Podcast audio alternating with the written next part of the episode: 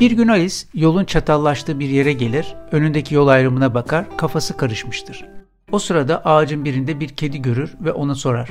Hangi yoldan gideceğim? Nereye gitmek istiyorsun diye sorar kedi. Bilmiyorum der Alice. Öyleyse der kedi hangi yoldan gideceğini de fark etmez. Merhaba ben Mete. Yol Yolcu Yolculuk adlı podcast'ime hoş geldiniz. Bunca alternatif içinde buraya kulak kabarttığınız için çok teşekkürler. Burada en kısa tanımıyla kendine ve yoluna inanan, inandığını başaran, konfor alanlarını terk etme cesaretini gösteren insanların hikayelerini dinleyeceksiniz. Eminim kendinizden de bir şeyler bulacaksınız bu hikayelerde. Keyifli dinlemeler.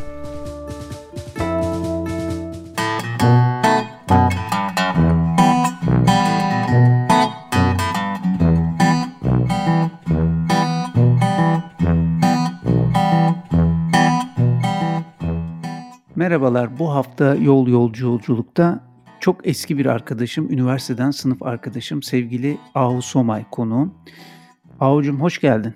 Meteciğim merhaba, hoş gördük. Valla e, aynı sınıfta okuduk ama sen benden epey seneler öncesi bitirerek yol aldın. E, hep gıptayla bakmışımdır bu hareketine gerçekten. Sonrasında iktisatla da hiçbir alakan olmamasına rağmen 4 senede toparlayıp bitirip gitmiştin.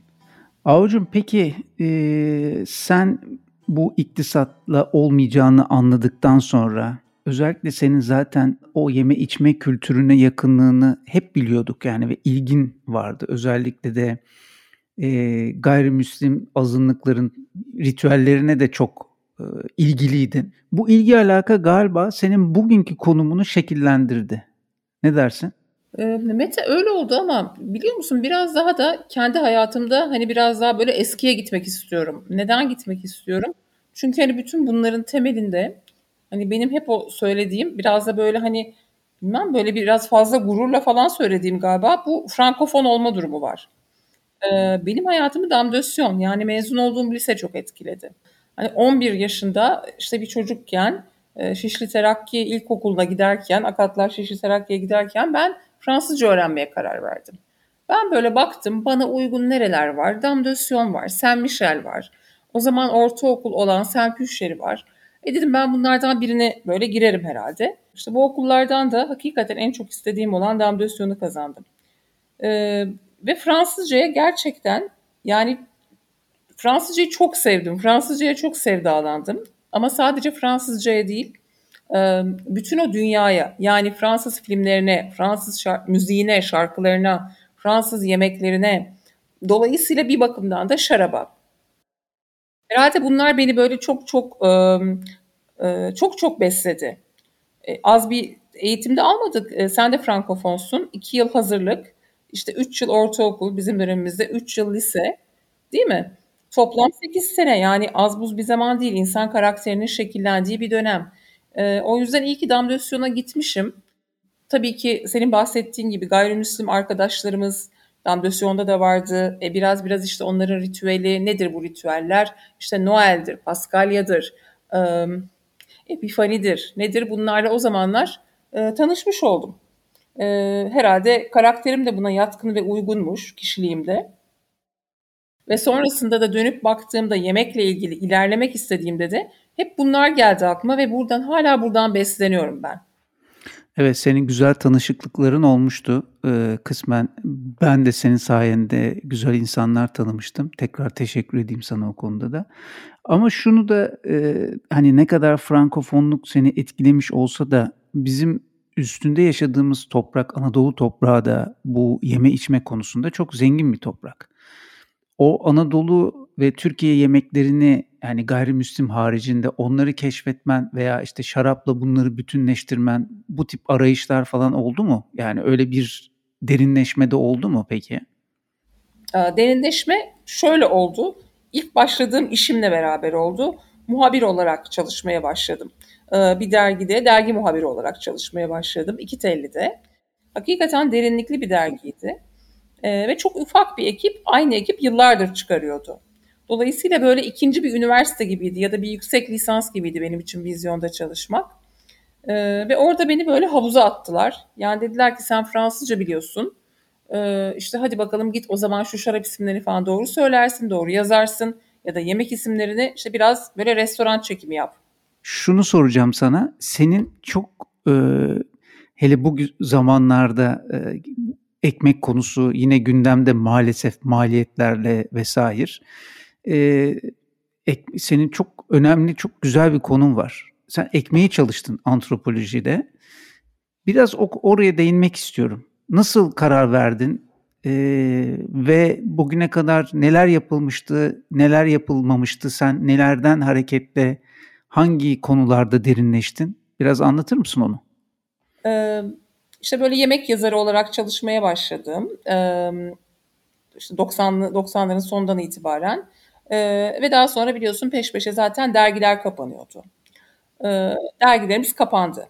Ee, dergiler kapanınca ben de freelance olarak yani e, yarı zamanlı olarak e, çalışmak, işte devam etmek, çalışmaya devam etmek istiyorum. E, birkaç böyle daha dergiye iş yapıyorum. Yani vaktim var. Vaktim varken e, ben bu konuda işte biraz daha demin sen bana söyledin ya derinleşmek, nasıl derinleştin falan diye. Yani ilki zaten gerçekten hakikaten dergiciliğe iyi bir yerde başlamaktı. İyi bir ekiple başlamaktı. Çünkü bizden beklentileri yüksekti yöneticilerimizin. Ee, ilki oydu ama ikincisi gerçekten antropoloji eğitimiydi. Ben bir şey yapayım. Ben yemeğin nesini yapayım? Fotoğrafına ilgi duymuyorum. Ben dedim yemeğin antropolojisini yapayım.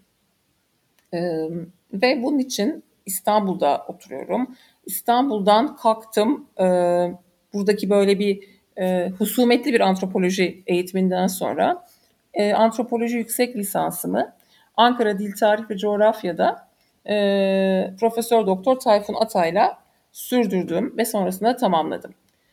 E, işte yemekle ilgili böyle bir şey çalışmak istiyorum. Tayfun Hoca inanılmaz yol açan, inanılmaz el veren e, bir hocadır Tayfun Atay. E, ben işte ekmek çalışmak istiyorum ama işte nasıl çalışmak istediğimi de bilemiyorum. Kafamda ama şunlar şunlar var dediğimde sen bir dedi sahaya çık. Bu güzel bir konu. Buradan mutlaka bir şeyler çıkacaktır. Ee, ekmek çalışmaya karar verdim. İşte ekmek İstanbul'da çalışacağım. İstanbul'da ama nerede çalışacağım? Ee, şöyle bir şey düşündüm. Ekmeği kimler yapıyor? Yani fırıncılar nereli? Fırıncılar çoğunlukla Karadeniz'de. Peki o zaman Karadenizlilerin oturduğu bölgelere gidip bakalım nereler var? İstanbul'da Karadenizlerin yoğun oturduğu birçok bölge var. Ee, Beykoz'da Ayaza köyü böyle kalmıştı. Ve Ayaza köyüne gittim. Ayaza köyünde çalışmaya başladım. Ee, bilenler biliyordur. Şimdi Beykent Üniversitesi'nin bir yerleşkesi var Ayaza köyünde. Ee, o dönem hani böyle biraz zorlanmalar hani yaşadım. hmm bölgede çalışırken işte çünkü siyasetin çok böyle hakim olduğu tabii bir de rant bölgesi Ayaza. İnanılmaz bir böyle rant bölgesi. Hmm. İşte inşaatlar yapılacak, ne yapılacak, ne olacak, kentsel dönüşüm olacak mı bazı bölgelerde olmayacak mı? Birkaç bölgesinde başlamıştı. 60 bin yaklaşık kişi oturuyor Ayazan'da. Ee, hani az bir rakam değil. Ee, üç böyle temel bölgesi vardı. Ben merkezde çalıştım. Ee, yani antropolojiyle de böyle Ayaza benim için çok mühim. Çünkü antropolojiye başladığım ve antropolojik eğitimi aldıktan sonra da bu bilgiyi sunduğum yer Ayaza'ydı. Ee, o yüzden Ayaza benim için e, kıymetli bir bölgedir. Peki o muhit senin ekmek konuna yaklaşımını nasıl etkiledi? Şimdi bir kere beni zor, çok zor kabul ettiler Ayazalılar. Dolayısıyla çalışmaya başlamam da böyle çok kolay olmamıştı. Ee, işte böyle bütün bunlarla da antropolojik e, eğitimde bütün bunlarla da yani baş etmek zorundasın bir araştırmacı olarak. Ben de baş etmeye çalıştım. İşte ne yaptım? Bana böyle mihmandarlık yapacak, bana rehberlik yapacak e, böyle birini aradım. E, yine böyle bir görüşmede Aa, senin dediler işini şu abla çözer. İşte beni o ablayla bağlantımı kurdular. Ondan sonra birazcık Ayazalların ben nezdinde işte normal bir insan gibi e, muamele görmeye başladım. Vay anasını. E, hiçbir şekilde e, yani hiçbir şekilde tasarlamadığım şeyler çıktı Mete araştırma sonucunda. Zaten hani mesela böyle sahaya bir ön bilgiyle çıkıyorsun ya da ne bileyim bir sağduyuyla çıkıyorsun. E, işte ekmek nasıl yani nasıl bir şey ekmek? Ekmeği en çok kim tüketir? Erkekler tüketir herhalde diyorum mesela. Ekmeği kim alır? İşte herhalde çocuklar alıyordur. Ondan sonra başka Neler var böyle ekmekle ilgili klişeler? En çok kahvaltıda yeniliyordur gibi şeyler. Böyle bu bilgilerle çıkıyorsun. Çünkü kendinde belki öyle yapmışsın ya da ailenden öyle görmüşsün. E, bunların hepsi olabiliyor. Bunların hepsi var. Bu söylediklerim öyle çok ondan sonra aa hiç de öyle değilmiş canım dediğim bir şey de olmadı. Fakat ekmeğin anlamlarını gördüm. Özellikle kadınlar için. Ben biraz daha fazla kadınlarla çalışma fırsatı buldum. Ayaz Ağa'da. Ee, yani kadınlar beni daha çok kabullendiler. Ee, sohbetlerinde, bu kabul günlerinde falan hep böyle katıldım. Ee, ve orada yani iki tane temel şey çıktı ekmekle ilgili. Kadınlar ekmeği çok seviyor. E, ona sevgili diyor hatta. Sevgili ekmek diyor. E, ve bir yandan da ekmekten imtina ediyor. Ekmekten hani korkuyor. Korku derken ne demek korkmak? E, bak önce sevmeyi anlatayım çünkü sevmek de çok enteresandı. Peki. E, ekmeği sevmek hani ekmek beni doyuruyor, ah çok güzel yedim, işte karnım doydu falan gibi bir şey değil sadece. E, bir sürü kadının, yani birçok kadının, Ayazağ'daki birçok kadının e, birçok çocuğu var. Yani ortalama üç çocuk sahibi hepsi. Ve bu çocukların yüzde yetmiş kadarı da ergenlik döneminden geçiyordu ben araştırmamı yaparken. Dolayısıyla hani işte biz de kendimizden de biliyoruz değil mi? Evde kalmak istemezsin, evde durmak istemezsin. Arkadaşlarınla olmak istersin. Dışarıda yediğin bir işte hızlı bir yemek sana daha cazip gelir. Yani hepimiz bunlardan geçtik. O çocuklar da öyleydi. Ve anneler farklı farklı ekmekler alıp ve tabii ki farklı farklı yemekler pişirmeye çalışarak o çocukları evde toplamaya çalışıyorlardı. Bir tanesi buydu sevgili ekmek olmanın sebebi. Yani çocukları toplayalım, bir araya getirelim. Bak burada bir değişik ekmek çıkmış. Bak burada siyezli var. İşte bak bunun üzerine ayçiçeği atmışlar. Böyle değil yok kadınlar ve ekmeği renklendiriyor söylemleriyle de. Bir diğeri de bu tamamen altın çörek, altın ekmek üzerinden e, giden bir sevgililikti.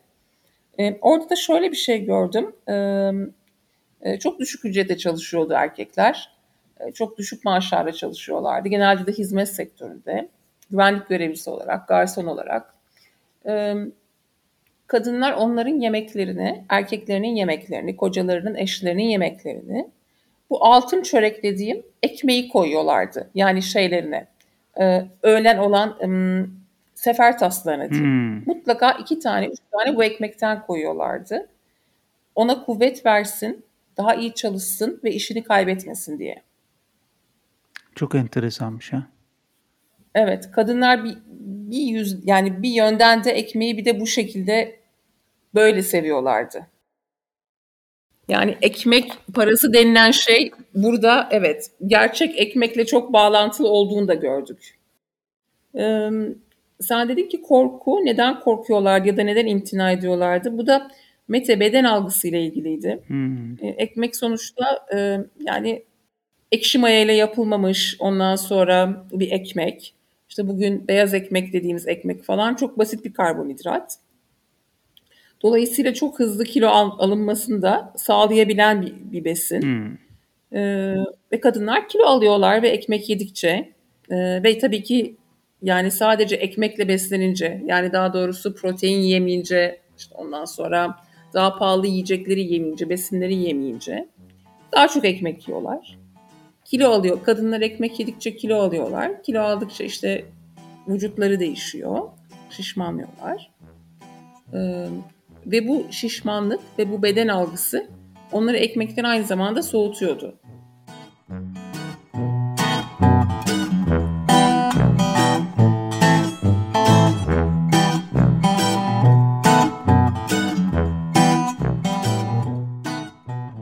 Peki ekmekten biraz şöyle uzaklaşıp yani çok uzaklaşmadan da bu e, ülkenin yeme içme kültürüyle alakalı birazcık sohbet edelim istiyorum. E, ekonomik şartlar tabii ki hele şu son birkaç ayda olan Avrupalıya anlatsan algılayamayacağı olaylar sonrası artık e, her şey daha zor ulaşılır bir hale almaya başladı. Öyle değil mi? Yani standart yaptığın dışarıda yeme içme kültüründe aksaklıklar olmaya başladı. Mekanlar devam edebilmek için belki kaliteden ödün ver, veriyorlar. İşte gramajdan ödün veriyorlar. Çünkü aynı kalitede yapmaya kalksa fiyat çok abuk subuk yerlere gidebilir ve hiç kimse gelmeyebilir. Her neyse sonuçta e, emekleme durumunda olan bir sektör, bir kültür sanki tam da daha ayaklanıp koşamadan tekrardan tökezledi gibi bir benim cahilane algım böyle. Sen ne düşünüyorsun? Onu merak ediyorum. Eee, rica ederim. Eee, hiç de cahil değilsin. Emm, şöyle düşünüyorum, bence öncelikle bu Anadolu'nun ne kadar kıymetli bir yer olduğunu farkına varmalıyız. İlk olarak bu.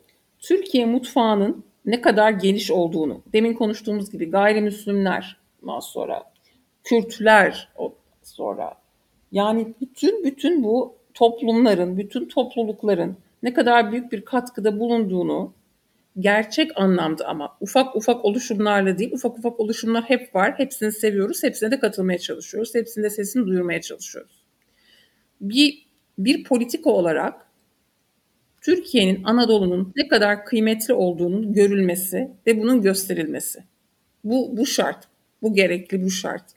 Ve e, ya birçok yer açılacaktır, birçok yer kapanacaktır. Bu biraz tabii Covid'le falan da ilgili oldu.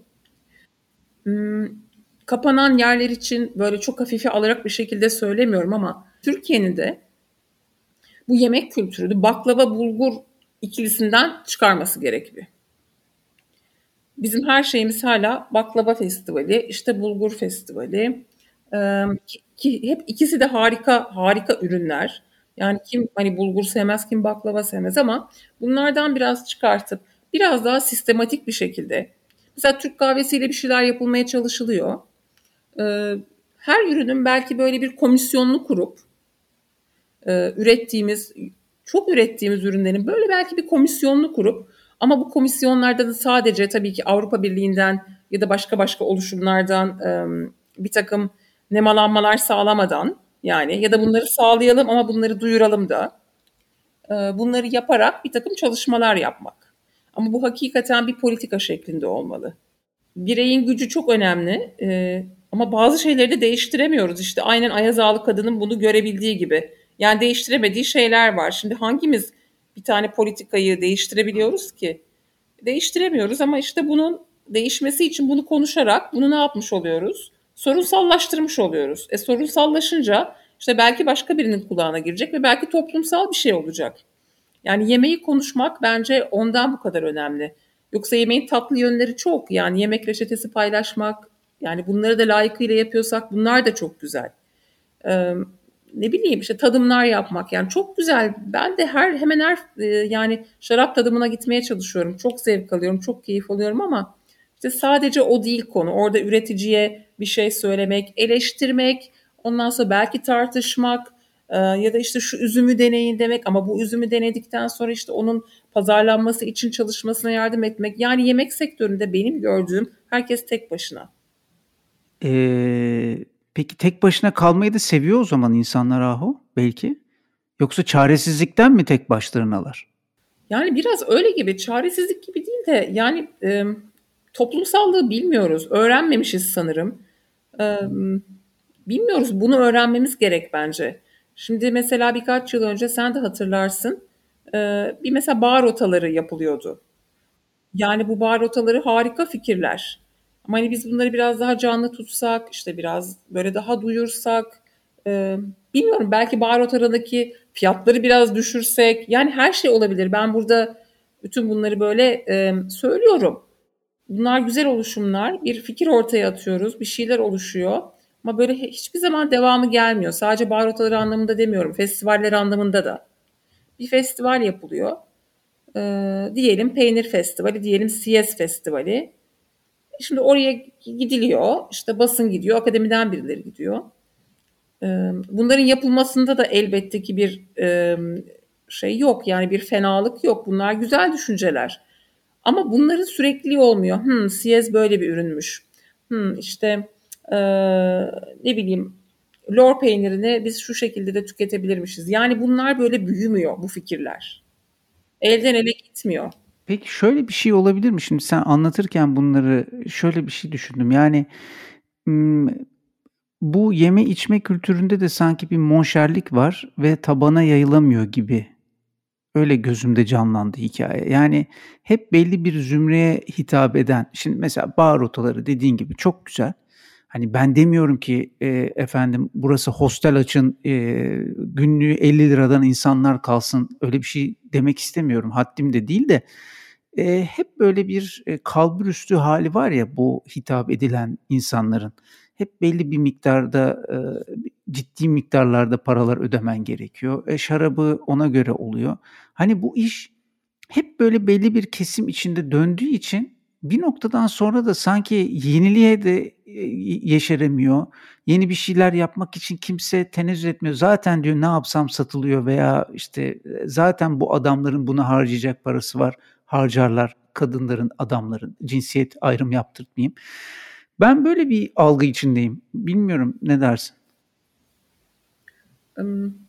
İstanbul'da senin bahsettiğin gibi bir konumlanma var kesinlikle. E, dernekçilik var mesela. Ve bunlar işte bahsettiğimiz hep toplumsallığı, toplumsallığa sekte vuran oluşumlar. Ama bir yandan da şöyle düşün. Yani bu ülkede sonuçta değil mi biz çocukluğumuzda falan ben mesela biz ben ailemle pansiyonda kalırdım. Yani pansiyon gibi harika bir oluşum var. Ee, işte hani turiz yani turizmde eğer böyle e, yaratıcı fikirler böyle ortaya çıktıysa hani neden yemek kültüründe de mutfakta da ortaya çıkmasın? Yani işte, işte mutfak kültürü dediğimizde hemen böyle bir gastro diplomasi mesela insanlar çalışmak istiyor. Böyle gastro diplomasi geliyor akıllarıma. Akıllarına birçok gencin de öyle geliyor. Şimdi gastro diplomasi zor bir alan. Ülkelerin işte birbirleriyle olan ilişkilerini, uluslararası ilişkileri böyle besleyecek, destekleyecek bir alan. Tamam çok güzel. Ama işte hani belki bir sana demin dediğim gibi yani bir huzur evindeki yemeği de güzelleştirelim. İşte bir pansiyondaki yemeği de güzelleştirelim. E, bu şeyi de hep görüyorum. E, senin dediğin bu hava var. Kes, İstanbul'da kesinlikle var. E, ama bir de mesela şeyi de görüyorum. E, öğrencilerimiz maalesef hani bir soğan doğradıklarında e, soğan doğramak çok önemli bir şey. Ama kendilerini Alain Dukas zannediyorlar. Bizim hani bunu da göstermemiz gerek onlara. Bu soğan doğramak zaten senin işinin bir parçası. Ya da hani bu şokola musu güzel yapmak senin zaten işinin bir parçası. Yani biraz daha temelden bir şeylerimiz eksik diye düşünüyorum.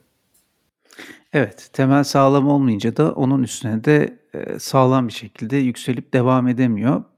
Bunun üstüne bir de politikasızlık eklenince çok böyle 3-5 kişinin sahiplendiği belirli konular üstünde e, çalışılan bir halde. Yani büyüyemeden, şimdi düşünsene Türkiye'de e, ne bileyim İtalya'ya gittiğin zaman değil mi Fransa'ya gittiğin zaman hep böyle bir mutfak yeme içme kültürüyle o e, hayat kültürüyle alakalı bir şeyler geliyor insanların aklına. Yani onun için gitmek istiyorsun oraları oradan beslenmek için.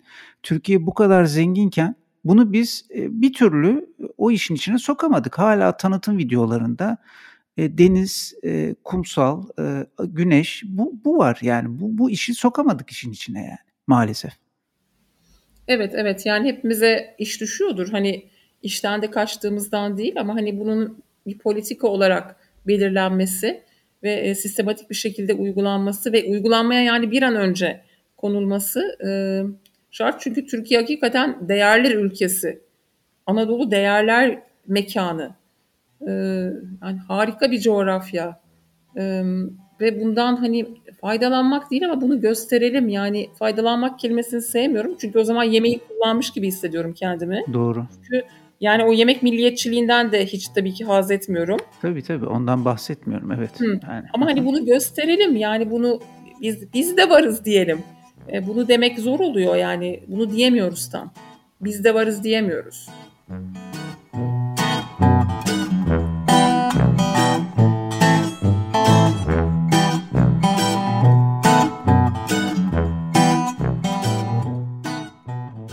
Peki Ahu bizde neden Michelin yok? Bu kadar zengin mutfağımız bu kadar e, padişahları beslemiş bir mutfak. Bu kadar e, dağılmış geniş bir coğrafyadan beslenmiş imparatorluk mutfağı, Anadolu mutfağı neden bizde bir türlü Michelin yıldızlı bir mekan olamıyor? Şeyi hatırlıyorsundur, biliyorsundur. Şimdi res bazı şeflere de şey yapalım hani göklere çıkaralım yani. Bazı şefler de iyi işler yapıyorlar. Ee, hani onlar herhalde yani Yani Türkiye'den de birileri Michelin'e girecek olsaydı o isimler de bence girerdi. Yani senle ben müfettiş olsak biz onları listeye alırdık öyle diyeyim sana. Alırdık diyorsun tamam. Ee, ama ben şeyi gör, gördüm. Sen de hatırlıyorsun bundan birkaç yıl önce herhalde 5-6 yıl olmuştur. Bir iki tane rehber çıktı. Türk rehberi diyeceğim şimdi. Türkiye'nin rehberleri yani restorancılık ve yemek alanında. Ee, mesela onların hazırlanmalarıyla da ilgili böyle sonra detaylara baktığımızda yani hatalar vardı çok. Konu hani biz de varız demek ama biz de varız derken yaptığımız işlerinde çok dikkatli yapmak, çok düzgün yapmak. Hep hepsi bence birleşiyor bak konuştuklarımızın. Genç bir gastronom mezunu arkadaşımıza da biraz sakin ol, heyecanını anlıyorum ama gel sen bir kahveci açmadan önce ya bir şurada çalış, birazcık şu işe bak. Ondan sonra hmm, bilmiyorum belki biraz çık Anadolu'ya ya da başka bir ülkeye önemli değil tarif topla. Ee, bir bak bakalım ne oluyor, ne bitiyor demek. Yani biz rehber yapmamız, kendi Türkiye rehberimizi yapmamız tabii ki iyi bir fikir. Elbette ki iyi bir fikir ama işte onu nasıl yaptık? Oradaki bilgiler ne kadar doğru, ne kadar geçerli? Yani konu bence gerçekten ilkeler konusu. Her konuda olduğu gibi. Yemekte de. Evet. Evet evet. Yani onun bunun adımı vesairesi değil, değil mi? Yani e, dediğin gibi kuralları iyi konulmuş, doğru kontrol mekanizmalarıyla çalışan, belirli standartları olan yani yani kuru fasulyenin bile olmalı. Herkes kuru fasulye yapmasın ya. Yani gidiyorum bazı esnaf lokantalarına. Yani en basit şey pilavla kuru fasulye yapamayan adam nasıl aşçı olabilir ahu? Evet ama biliyor musun şu standartizasyon meselesine de biraz dikkatli yaklaşıyorum ben. Bu şimdi Türk kahvesi için yapılıyor. Ee, işte şu kadar gram kahve e, sade yaparsak işte hiç şeker koymayacağız. Orta ise galiba yarım küp şeker. İşte 6-7 gram kahve. İşte e, orta ise yarım küp şeker, şekerli ise bir buçuk küp şeker mi ne? Yani bir standartizasyon var. E, bu da işin yani şeyini biraz keyfini ve birazcık da böyle nasıl diyelim havailiğini mi diyelim? Havailiğini de elimizden alan bir şey. Güzel kuru fasulye yiyelim, güzel Türk kahvesi de içelim bence. Ee, ama e, yani bunu bir standartizasyona bağlamak bilmiyorum. Yani işte herkes bir şekilde bizde varız demeye çalışıyor galiba. Sanki. Peki e, beni daha da heyecanlandıran asıl senin bu doktora tezin e, gayrimüslimlerde yemek ritüelleri e, artık e, yakında herhalde parmakla gösterilecek kadar az kalacaklar. Yani e, çok bilmiyorum nüfusları kaça indi. İstanbul'da 20 binler mi 30 binler mi? Daha en kalabalıkları Ermeniler herhalde. E, orada senin ilgi alanın hangi gayrimüslim gruptu ve neleri inceledin orada? Bir ondan da bahseder misin? Evet, şimdi antropolojide doktora aşamasındayım. Doktoramı yapıyorum. İşte yine gıda antropolojisi, bu da böyle farklı farklı tanımlar var. İşte food antropoloji diyorlar e, Türkiye dışında. Anglo-Sakson ülkelerde. Biz beslenme antropolojisi diyoruz ya da gıda antropolojisi diyoruz ya da işte yemek antropolojisi diyoruz. Ben de bu alanda çalışıyorum. E, doktora tezimde de e, İstanbul'da çalışacağım. E, ben yemek ritüellerini çalışmak istedim. Yemek ritüelleri, ritüeller dediğimiz zaman işte hemen herkesin aklına böyle şeyler geliyor. Ritüel deyince işte böyle büyüsel, böyle majik, böyle e, ondan sonra e, nasıl diyeyim etkinlikler geliyor belki. Öyle değil. Her zaman yaptığımız ve anlam yüklediğimiz ve sürekli yaptığımız her şey aslında bir ritüel. E, mesela Paskalya çöreği yapmamız bir ritüel aslında. Paskalya işte ilkbahar dönemine denk düşen Paskalya çöreğini örgü şeklinde yapıyoruz ama yılbaşında Aralık ayında aynı çöreği yani benzer içeriklerle yaptığımız diyelim çöreği yuvarlak bir şekilde yapıyoruz. Mesela yuvarlak şeklinde yaptığımız yılbaşında neden onu yuvarlak şekle çeviriyoruz? Çünkü bir yılın döngüsünün bittiğini anlatmaya çalışıyoruz aslında. O sembolize ediyor bir döngüde olduğumuz hep ya da e, yani ritüeller ritüel konusu zaten benim ilgimi hep çekiyordu. E, halk dini benim ilgimi çekiyordu. E, ve halkların kendilerinden yarattıkları yani çörek kutsal kitapta yok. e, çörek halkın yarattığı bir şey. Bizdeki kandil simidi gibi düşün.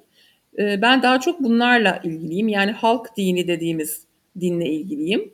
Bunun karşılığı da böyle antropolojide büyük din işte ya da büyük gelenek diye geçiyor. Great tradition diye geçiyor.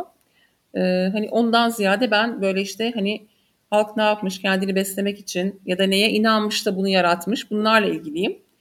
Umarım bunlarla ilgili yani bu konuları derleyebildiğim yemekle ilgili bağlamlarda derleyebildiğim bir tez yazacağım. Heyecanla da bekliyor olacağız o tezi o zaman.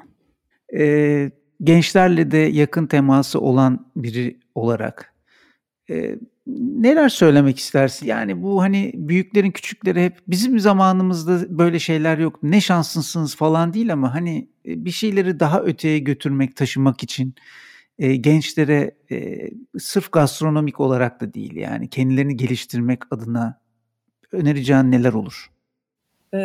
Ben zaten tanıştığım gençlerle akademide de böyle yani şehirde de yaşarken de tanıştığım gençlere maalesef sürekli nasihatler eden biriyim. Bu kimi zaman böyle sevimsiz olabilir. Çünkü ben bana nasihat edilmesinden hiç hoşlanmam. Ee, ama herhalde bana çok edilmişti ben yetişirken. Herhalde ben de e, onu sürdürüyorum. Ben de onlara çok nasihat ederim. E, bu nasihat olmasın ama şunu düşünsünler isterim. Temel yaşam becerisi diye bir şey var. E, bazı şeyleri bilmeliyiz ya da öğrenmeliyiz diyeyim bilen bir aileden gelmemiş olsak bile bazı şeyleri öğrenmeliyiz. Çok basit gibi görünen işte ne bileyim işte demin söylediğimiz gibi soğan doğramayı, yemekleri. Yani bunları öğrenmeliyiz. Bence yemek yapan kişi özgür bir kişi. O yüzden biz bütün bunları bilmeliyiz. Hani yemeğe belki birazcık daha böyle özgürlük açısından bakarlarsa yemek yapmanın hakikaten yaratıcı, böyle insana iyi gelen, hakikaten ve tabii ki bir şeyi başarmakla ilgili de bir şey. Çok güzel bir kek yaptığınızda çok harika hissediyorsunuz. Bu bir de hani böyle bir gerçekten insanı çok da mutlu eden bir şey ve biraz da böyle şey bir şey yani biraz da e, hafif de gösterişle de ilgili bir şey. Çünkü bunu birine sunuyorsunuz ya da bunun fotoğrafını çekiyorsunuz. Ama bütün bunlar işte ondan sonra e, yani fena duygular da değil. En azından kimseye zararı olmayan duygular. E, yani yemek yapmanın ve bunun bir temel yaşam bilgisi olduğunun e, bence hepimiz farkında olmalıyız. Bunu söylemek isterim. Ahu çok teşekkür ediyorum. Vakit ayırdığın için uzun uzun da güzel güzel gastronomi üzerine anlattığın için çok teşekkür ediyorum. Sağ ol. Ben de sana teşekkür ederim. Gerçekten su gibi aktı. Teşekkür ediyorum. Görüşmek üzere Avucum.